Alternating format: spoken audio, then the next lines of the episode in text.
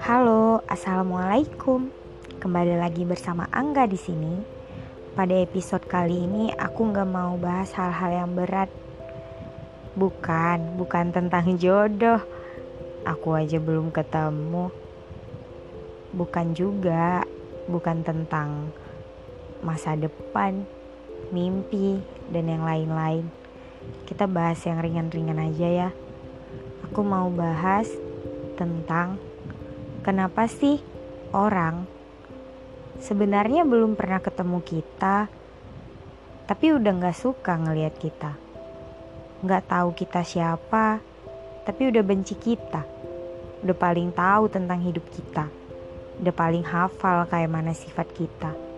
Padahal ketemu aja belum, kenal juga enggak. Kita ya, aku mungkin sering sekali menjustifikasi orang dalam sekali lihat atau dari cerita orang lain.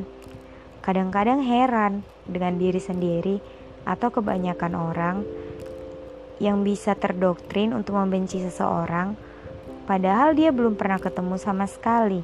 Contohnya, kita punya pacar, terus pacar kita punya mantan.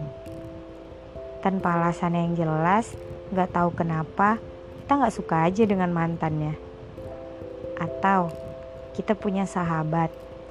Sahabat kita ini bermasalah dengan orang lain. Masih dengan dan tanpa alasan yang jelas, kita juga ikutan benci sama orang itu. Masih suka bertanya-tanya sih, kenapa? Kenapa hal itu bisa kejadian gitu.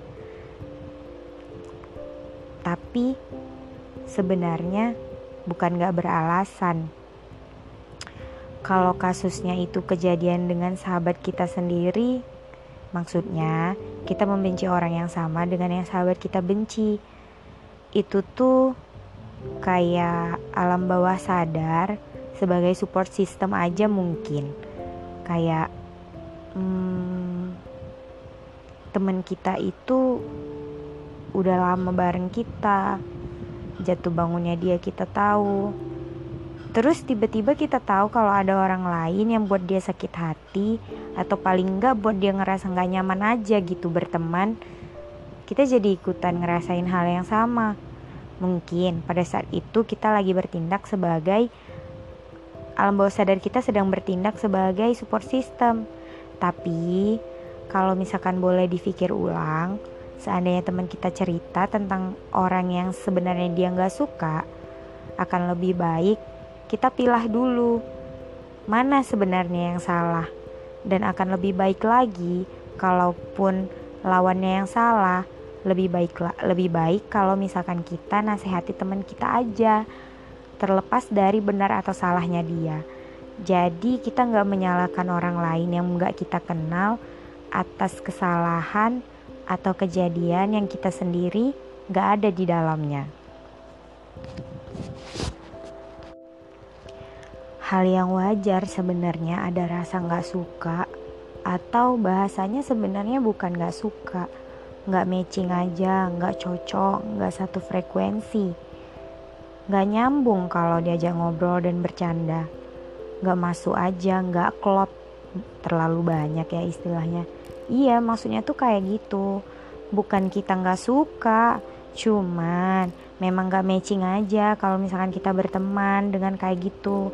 Lagian gak semua orang itu cocok dengan semua tipe orang. Contohnya aku Aku yang anaknya basicnya tidak akan mulai duluan Gak akan pernah cocok dengan orang yang juga sama Sama-sama gak akan mulai duluan. Aku butuh orang yang akan memulai percakapan duluan Biar suasananya lebih hidup. Atau paling enggak uh, kita juga nggak bisa menuntut untuk semua orang itu suka kita. Karena ya memang benar-benar nggak semua orang itu bisa matching. Apalagi kita cuma manusia biasa Nabi Muhammad yang manusia paling sempurna di muka bumi aja ada yang nggak suka apalagi kita berarti wajar kan cuma kayak mana cara kita menyikapinya aja.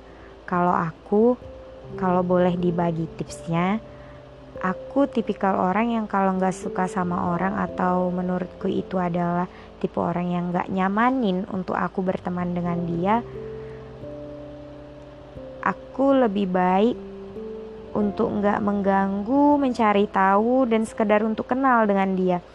Atau kalau misal pun udah kenal, nggak usah terlalu banyak berinteraksi kalau nggak perlu, karena takutnya bisa mendatangkan hal-hal yang nggak baik untuk hati sendiri.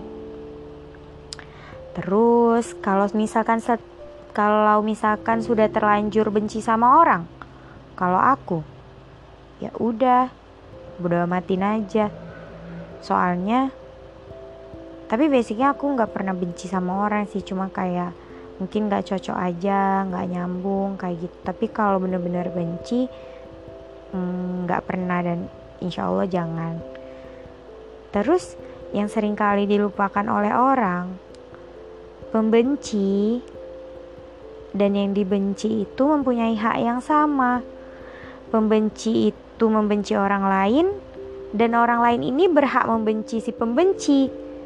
Paham nggak sampai situ? Intinya, kayak mana pun kamu memperlakukan orang lain, orang lain juga akan memperlakukan kamu sama.